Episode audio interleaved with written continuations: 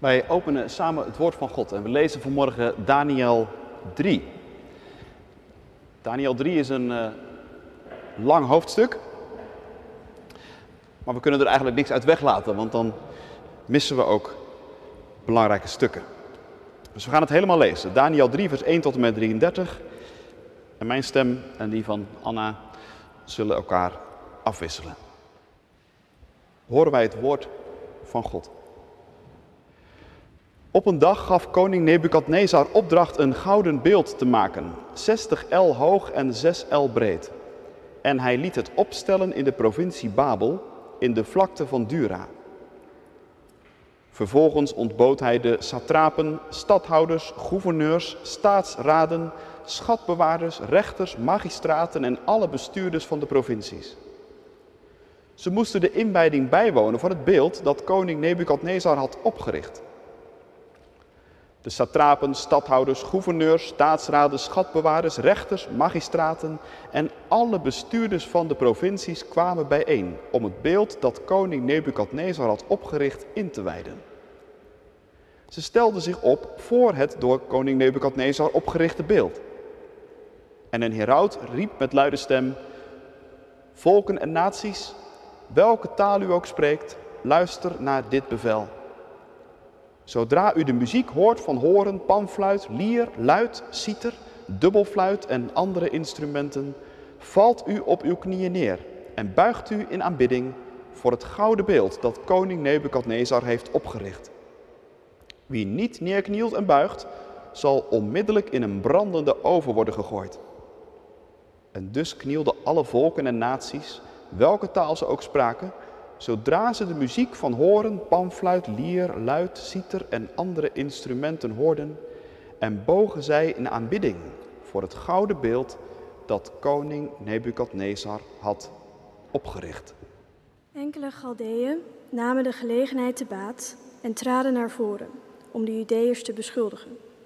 Ze zeiden tegen koning Nebukadnezar: Majesteit, leef in eeuwigheid.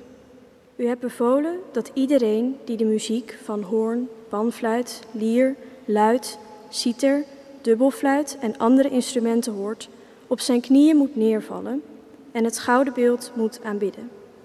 En dat ieder die weigert in een brandende oven moet worden gegooid. Er zijn enkele Judese mannen aan wie u het bestuur over de provincie Babel hebt opgedragen. Zadrach, Mesach en Abednego. Deze mannen storen zich niet aan uw bevel, majesteit. Ze vereren uw goden niet en buigen niet voor het gouden beeld dat u hebt opgericht. Nebukadnezar barstte in woede uit en beval Sadrach, Mesach en Abednego bij hem te brengen.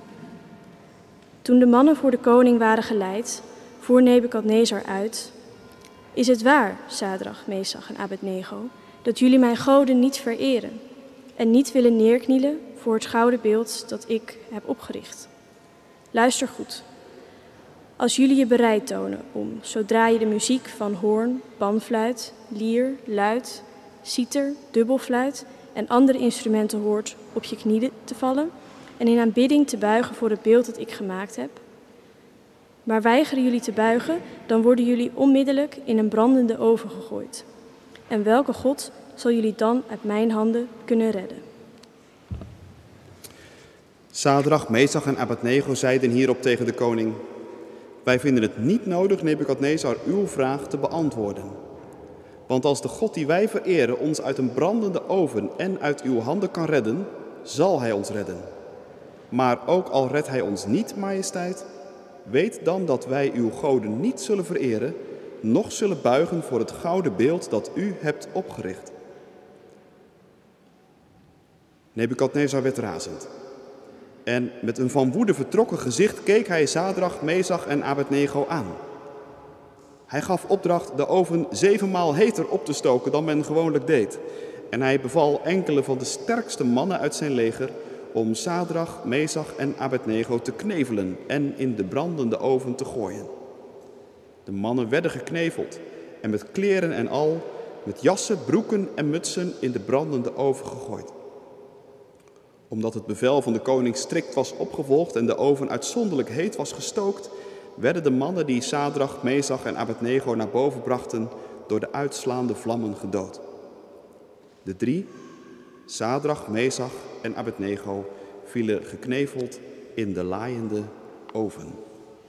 Toen sloeg de schrik koning Nebukadnezar om het hart. Hij stond haastig op en zei tegen zijn raadsheren: Wij hebben toch drie geknevelde mannen in het vuur gegooid? Zij antwoordden: Zeker, majesteit. Hij vervolgde: Maar ik zie vier mannen vrij rondlopen in het vuur. Ze zijn, ze zijn ongedeerd en de vierde lijkt op een godenzoon. Nebukadnezar liep naar de deur van de brandende oven en riep: Sadrach, Mesach en Abednego, dienaren van de hoogste God, kom naar buiten, kom hier. Toen kwamen Sadrach, Mesach en Abednego uit de vlammen naar buiten. De satrapen, stadhouders, gouverneurs en raadsheren van de koning drongen naar voren. Ze bekeken de mannen en zagen dat het vuur geen vat had gekregen op hun lichaam. Geen haar op hun hoofd was verschroeid. Hun jassen waren nog heel. Er hing zelfs geen brandlucht om hen heen. Nebukadnezar nam het woord. Hij zei: Geprezen zij de God van Sadrach, Mesach en Abednego, die zijn engel heeft gezonden en zijn dienaren gered. Zij hebben zich op hem verlaten. Zij hebben, op het, bevel van de, zij hebben het bevel van de koning genegeerd en hun lichaam prijsgegeven, omdat zij voor geen andere dan hun eigen God willen neer, neerknielen of buigen. Daarom vaardig ik het bevel uit dat een ieder, van welk volk, welke natie of taal ook, die zich oneerbiedig uitlaat over de God van Sadrach, Mesach en Abednego, in stukken wordt gehakt en dat zijn huis in puin wordt gelegd want er is geen God die kan redden als deze. Vervolgens gaf de koning Sadrach, Mesach en Abednego een hogere positie in de provincie Babel. Koning Nebukadnezar aan alle volken en naties, welke taal zij ook spreken en waar ter wereld zij ook wonen, mogen uw voorspoed groot zijn. Het heeft mij behaagd de tekenen die de hoogste God mij gegeven heeft en de wonderen die hij heeft gedaan bekend te maken. Hoe groot zijn zijn tekenen, hoe machtig zijn wonderen. Zijn koningschap is een eeuwig koningschap en zijn heerschappij duurt van generatie tot generatie voort. Gemeente van Christus. Koning Nebukadnezar maakt een standbeeld van zichzelf. En het is bepaald geen bescheiden exemplaar. Een slordige 20 meter hoog en een meter of drie in doorsnee. Het mag wat kosten. Bovendien, staat er, is het een beeld van goud. En dat is opmerkelijk. Want je moet weten, dit is niet het eerste beeld waarin in het Bijbelboek Daniel over wordt verteld. In het vorige hoofdstuk, daar stonden we vorige week zondagmiddag bij stil, wordt ook al over een beeld verteld. Toen was het een beeld dat alleen nog maar bestond in een droom. Of zeg maar gerust in een nachtmerrie. Koning Nebukadnezar raakte er geweldig van van slag. Het maakte hem heel onrustig, die droom. En na de uitleg van Daniel werd het er niet minder om. Dat beeld in die droom had namelijk alleen maar een hoofd van goud. En, zei Daniel, mijn heer koning, dat hoofd, dat bent u. Alleen dat hoofd dus. Want na u zal een ander rijk opstaan. Dat was het zilveren bovenlijf. Daarna weer een ander rijk. Dat was het koperen onderlijf. Maar de narcist in ons wil dat natuurlijk niet horen. Dat er ook een moment komt dat je er niet meer zult zijn dat jouw koninkrijk, hoe groot of hoe klein het ook is, net als alle koninkrijken opgaan, blinken en verzinken zal zijn. En dat ook jouw naam ooit niet meer dan een voetnoot in de geschiedenisboeken zal worden. En wat doe je dan? Ja, dan probeer je natuurlijk die gedachte met alles wat er in je is weg te duwen. En dan haal je al je vermogen uit de kast om te voorkomen dat deze droom werkelijkheid wordt. Een hoofd van goud in een droom, Nee, natuurlijk niet. Een beeld van goud in de werkelijkheid. En alles en iedereen wordt opgetrommeld om het te zien en ervoor te buigen. En doe je het niet, dan wacht je de vurige oven.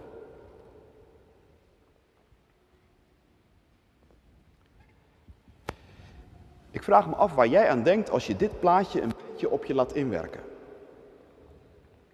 Een gouden beeld, hoog opgericht en een mensenmenigte die er massaal voor buigt. Waar zie jij dat om je heen gebeuren? Ik denk op veel meer plekken dan je voor waar wilt hebben. Toen wij ons afgelopen week voorbereiden op deze dienst, toen hadden we het eventjes over het woord autonomie. Dat wij onszelf zo graag bedriegen met de gedachte dat we autonome en zelfstandige mensen zijn. Maar dat we in de praktijk eigenlijk moeten toegeven dat we voortdurend onder invloed staan van, van alles en nog wat. En dat de kans dat ook wij meebuigen voor allerlei gouden beelden nou echt niet gering is.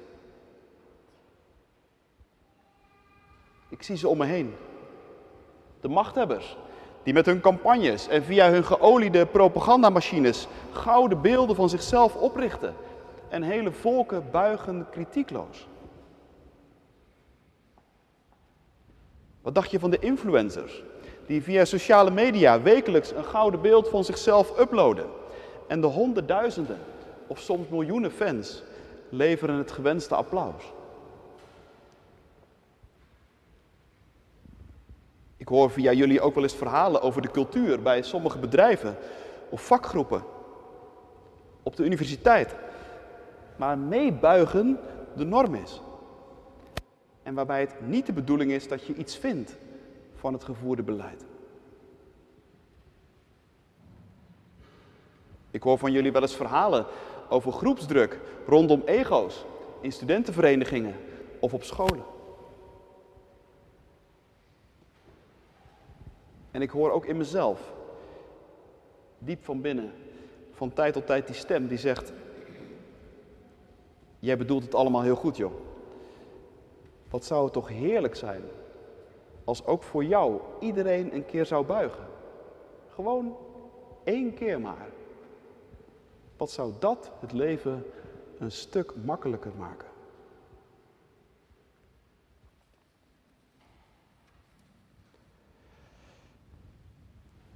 Terug naar de tekst. O koning, leef in eeuwigheid, klinkt er opeens een stem. Het is een aantal dienaren van koning Nebukadnezar en ze hebben om een onderhoud gevraagd. En in de meest hoffelijke bewoordingen staan ze hun koning te woord. U hebt toch een bevel uitgevaardigd, koning? Zeker. Iedereen die de muziek van horen, fluit, citer, lier, harp hoort, die moet toch neervallen en aanbidden? Zeker. En iedereen die dat niet doet, die moet toch in de vurige oven worden gegooid? Zeker. Nu, heer koning, wat er nu toch gebeurd is, u, gelooft het niet. Maar er zijn drie mannen die uw feestje verstoren. Wat? Wie zijn dat? Ja, heer koning, we durven het natuurlijk ook bijna niet te zeggen en we hadden het natuurlijk liever ook heel anders gezien. Maar het zijn inderdaad die Sadrach, Mezach en Abednego. Toevallig precies die drie Joodse mannen die u zo'n belangrijke post hebt gegeven in het bestuur van uw rijk. Ze storen zich niet aan uw bevel. Ze vereren uw goden niet. En ze buigen niet voor uw gouden beeld.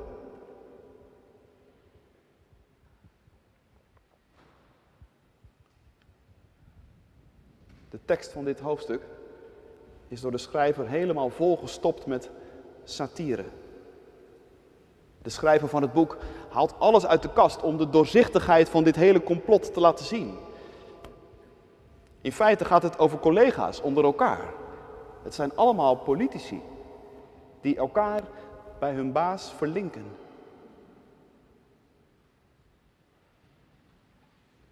De Galdese kerels zetten hun tanden in de Judeërs vertaalt de Nadische Bijbel vers 8. En door het telkens maar weer herhalen van die hele lijst, je werd er misschien tijdens het lezen wel een beetje moe van, die hele lijst met hoogwaardigheidsbekleders en die hele lijst met muziekinstrumenten. Dat is bedoeld om je het idee te geven dat hier iets heel tragicomisch gebeurt. Maar ondertussen is de ondertoon heel grimmig. Want op de achtergrond brandt de vuur over. Bedoeld voor iedereen die niet in het systeem past. Voor iedereen die doorziet wat er gebeurt en die weigert om mee te dansen of mee te buigen. Want waar gouden beelden verschijnen, daar wordt geen tegenspraak geduld.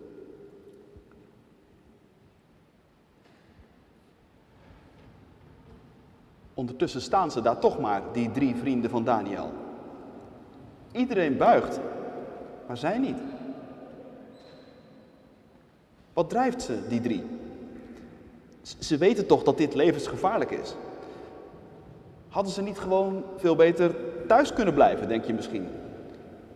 In de hoop dat ze te midden van zoveel mensen niet gemist zouden worden.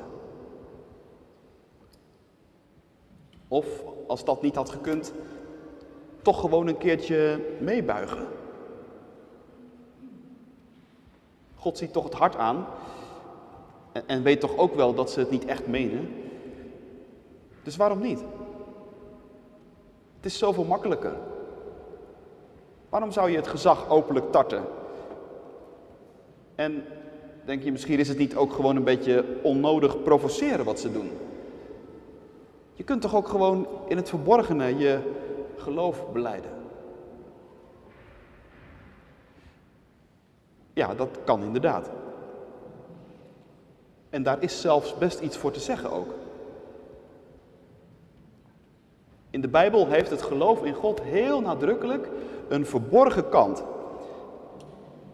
Er bestaat zoiets als de verborgen omgang met God. En er is de binnenkamer van het geloof. Het contact tussen jou en de Heere God, waar een ander niets te maken mee heeft. En dat ook niet te veel optochtelijkheid verdraagt. Ik vind dat een prachtig oud woord. Je hoort het eigenlijk nooit, maar het raakt wel heel erg de kern hier. Optochtelijkheid. Je geloof en vooral de uitingen daarvan als een soort optocht willen neerzetten. Ik denk zomaar dat een heleboel van ons daar een innerlijke afkeer bij voelen. Dus ja, er is de verborgen omgang met God. Maar in de Bijbel is er nadrukkelijk ook die andere kant. En dat is de publieke, de openbare kant van het geloof. Een geloof dat je keurig netjes kunt opsluiten achter de voordeur, dat kent de Bijbel niet. Er zijn momenten, dan ga je rechtop staan. Ook al buigt iedereen de andere kant op. En daarom is het zo goed dat jullie hier zijn vanmorgen. En je kind hier straks binnenbrengen. Dat is ook een moment van rechtop gaan staan. En daarom gebeurt de doop ook in het openbaar en niet bij jullie thuis in de keuken. De doop is, om het zo te zeggen, ook een statement. Je vertrouwt je kind toe aan God. En daarmee zeg je ook nee tegen een heleboel in deze wereld opgerichte gouden beelden.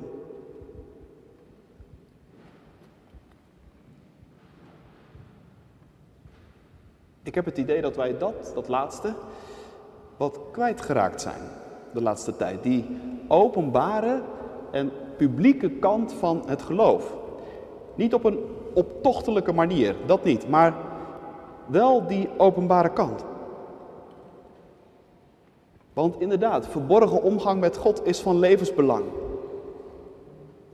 Maar met de verborgen omgang en het geloof achter de voordeur kun je het jezelf ook heel gemakkelijk maken. Natuurlijk is het mooi Als je via het internet nu thuis op de bank gevoed kunt worden in je geloof en dit kunt meemaken. Dat geeft ook aan hoe bewegelijk de Heilige Geest is. En hoe God zich niet zomaar laat tegenhouden. Maar op dit moment merken veel voorgangers, collega's die ik spreek, ook dat de kerkgang, ook nu het weer mag, maar mondjesmaat op gang komt.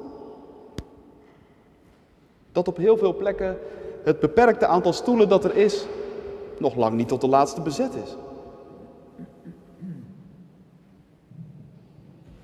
Thijs van der Brink schreef daar deze week een rake column over.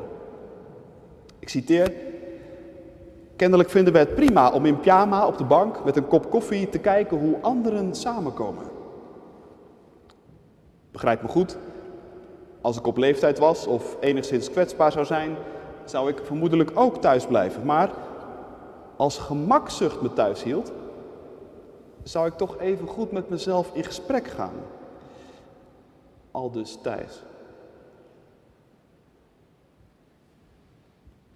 En begrijp ook mij vanmorgen heel goed. Ik oordeel niet goedkoop over niemand. Maar bedenk het eens en draai het eens om. Bedenk eens wat er zou gebeuren als er geen christen meer zou opstaan.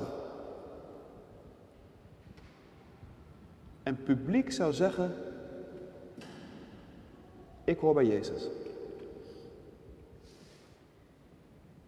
Welke oprichters van de talloze gouden beelden in deze wereld zouden dat helemaal niet erg vinden? En welke machten spelen we simpelweg ermee in de kaart?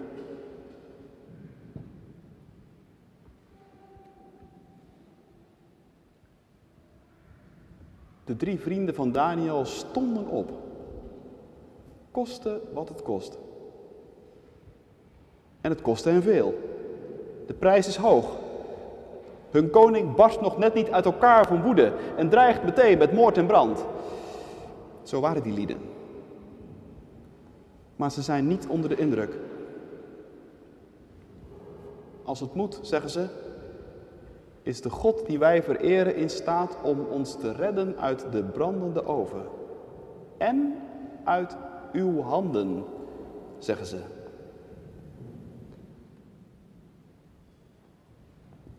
Opvallend dat hier ineens het woord redding valt.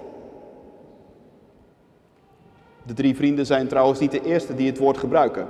De eerste is Nebukadnezar zelf. Maar in zijn mond klinkt het als een woord van dreiging. Ik heb jullie in mijn handen, zegt hij, en er is geen God die jullie daaruit kan krijgen. Jullie zijn niet meer te redden.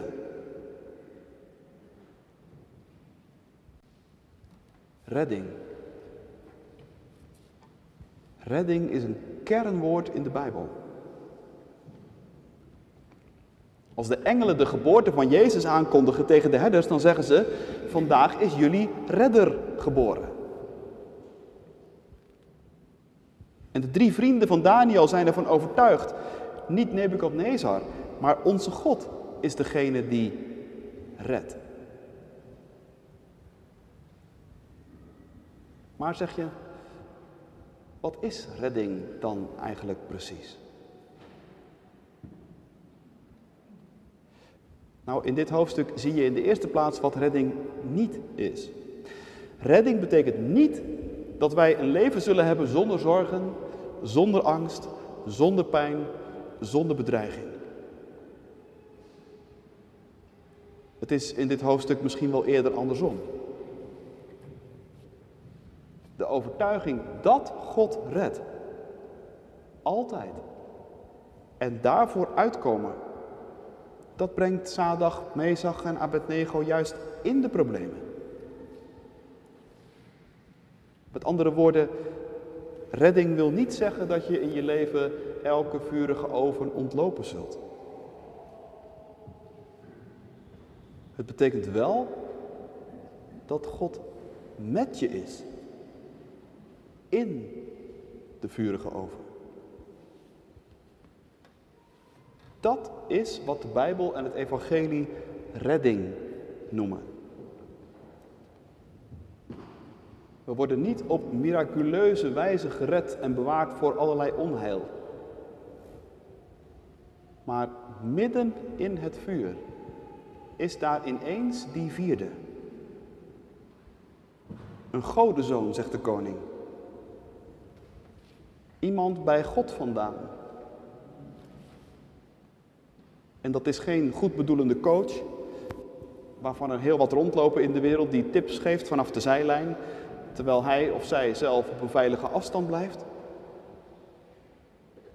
Dit is iemand die met hen is en die naast hen wandelt in het vuur.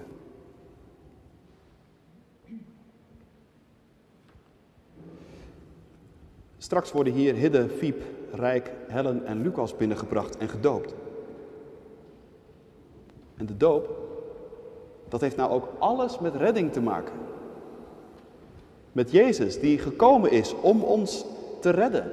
Die mens werd en die afdaalde in de heksenketel van het leven. Zijn vurige oven was het kruis. En dat werd hem niet bespaard. Maar sterker dan de dood bleek Gods macht. En in die machtige beweging, die weg van sterven en opstaan, die Jezus gegaan is, niet voor zichzelf, maar plaatsvervangend voor deze wereld, voor jou, voor mij, voor ons. In die machtige weg neemt Hij onze kinderen mee. En vandaag zegt Hij tegen Hidde, Fiep, Rijk, Helen en Lucas, ook voor jou. Ook voor jou ben ik die weg gegaan.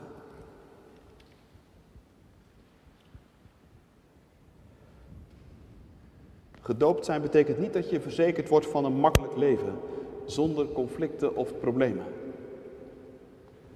Gedoopt zijn betekent niet dat de heksenketel van het leven ons bespaard wordt. Maar het betekent wel dat er in die heksenketel iemand is die je redt. Die je daar middenin redt. Zodat je tot je eigen verbazing soms midden in die ketel ineens heel vrij kunt rondlopen. En zelfs merkt dat je God kunt zegenen en loven.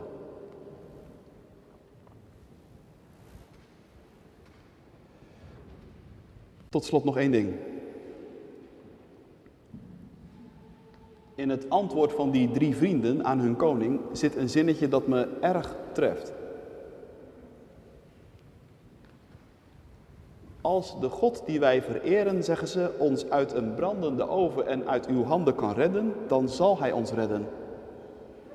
Maar, en dan komt het, ook al redt Hij ons niet, majesteit, weet dan dat wij uw goden niet zullen vereren. Maar ook al redt Hij ons niet. Laat dat even op je inwerken.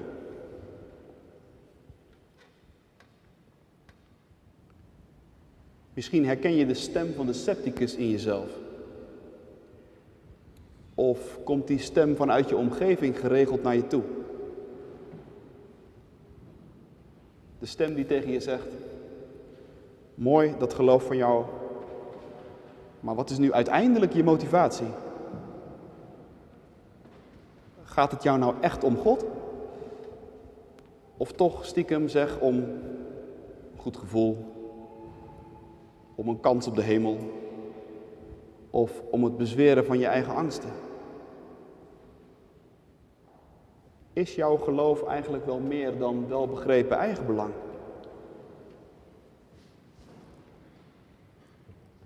Dat is trouwens niet eens een hele verkeerde vraag. Kun je best eens aan jezelf stellen. Waarom ben ik hier? Waarom geloof je eigenlijk?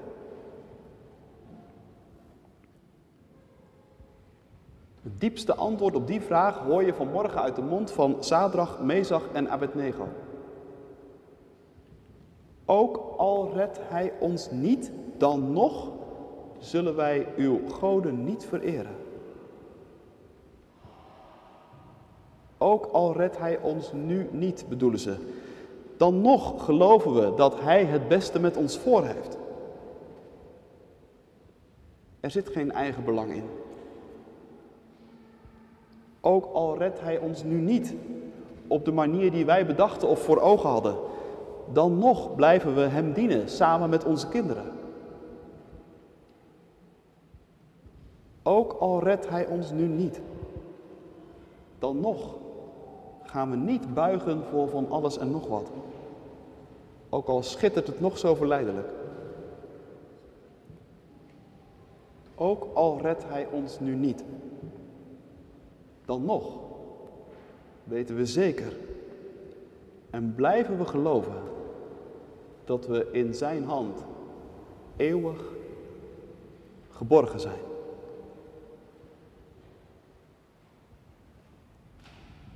Amen.